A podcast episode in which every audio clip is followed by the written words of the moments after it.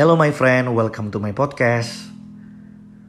Judul renungan hari ini adalah Bukan dari dunia. Yohanes 15 ayat yang ke-19. Sekiranya kamu dari dunia, tentulah dunia mengasihi kamu sebagai miliknya. Tetapi karena kamu bukan dari dunia, melainkan aku telah memilih kamu dari dunia, sebab itulah dunia membenci kamu. Amin.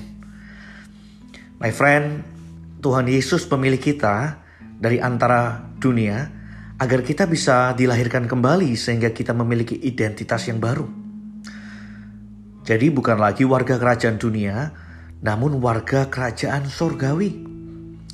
Dalam hal inilah kita mesti sadar bahwa walaupun kita masih di dunia ini, kita harus terus mengingatkan diri kita bahwa sesungguhnya kita bukan bagian dari dunia ini. Memang hari ini kita masih berada di tengah-tengah dunia tapi kita tidak lagi hidup menurut budaya dan filosofi dunia. Bahkan Yesus dengan terang-terangan mengingatkan bahwa dunia akan membenci kita karena kita berbeda. Cara berpikir kita berbeda, tujuan dan visi misi kita berbeda.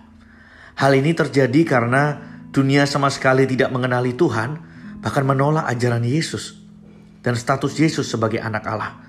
Bahkan banyak yang mengaku Kristen namun sebenarnya hanya digunakan sebagai status sosial, bukan status surgawi yang dijalani dan dihidupi setiap hari.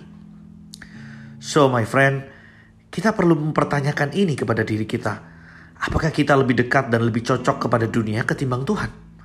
Jika kita sangat nyaman dengan dunia, bukankah ini pertanda bahwa kita belum betul-betul berbeda? Oleh karena itu kita harus dengan sungguh-sungguh menjadi berbeda Bahkan seharusnya sampai di titik di mana kita tidak lagi memiliki kesamaan dengan dunia.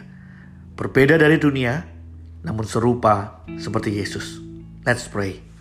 Bapa, kami mau menjadi serupa seperti Engkau dan berbeda dari dunia. Amin.